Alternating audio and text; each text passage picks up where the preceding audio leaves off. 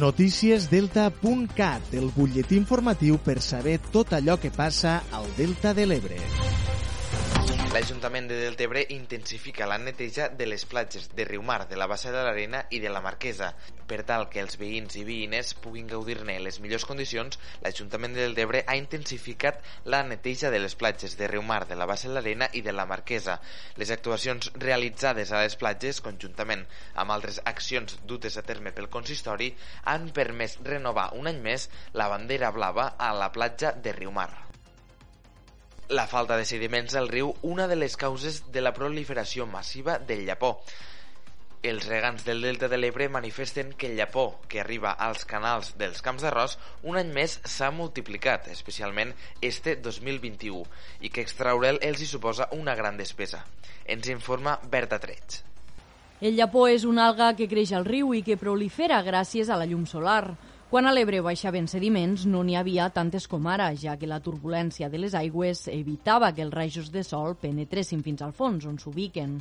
Ara, amb el riu sense sediments, la transparència de l'aigua n'ha multiplicat la població i això afecta directament als regants del Delta de l'Ebre, als qui els hi suposa una gran inversió de diners extreure aquest macròfit dels canals.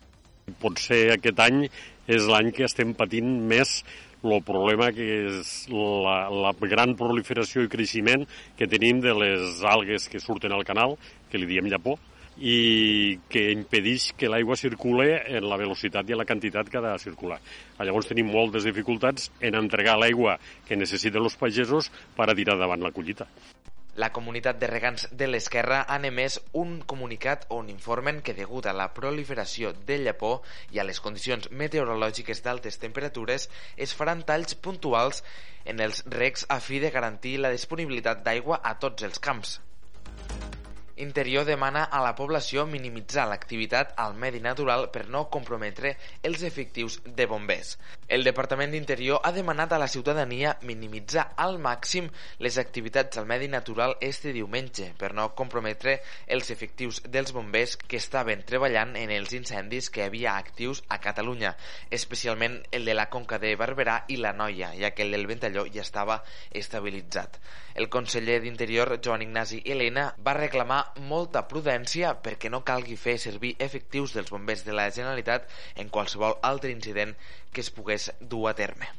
Molta prudència avui sempre, però avui particularment, eh? perquè estan tots els efectius aquí treballant amb molta intensitat, també els de rescat, per tant tots aquells que vagin al medi natural amb molta prudència, no, que no, no s'hagi d'utilitzar efectius doncs, per anar a rescatar ningú. Avui no és el dia doncs, per fer cap activitat d'aquesta mena i també molta precaució al medi natural en relació als possibles incendis i per tant minimitzar al màxim minimitzar al màxim la, la participació la, o activitats al medi natural.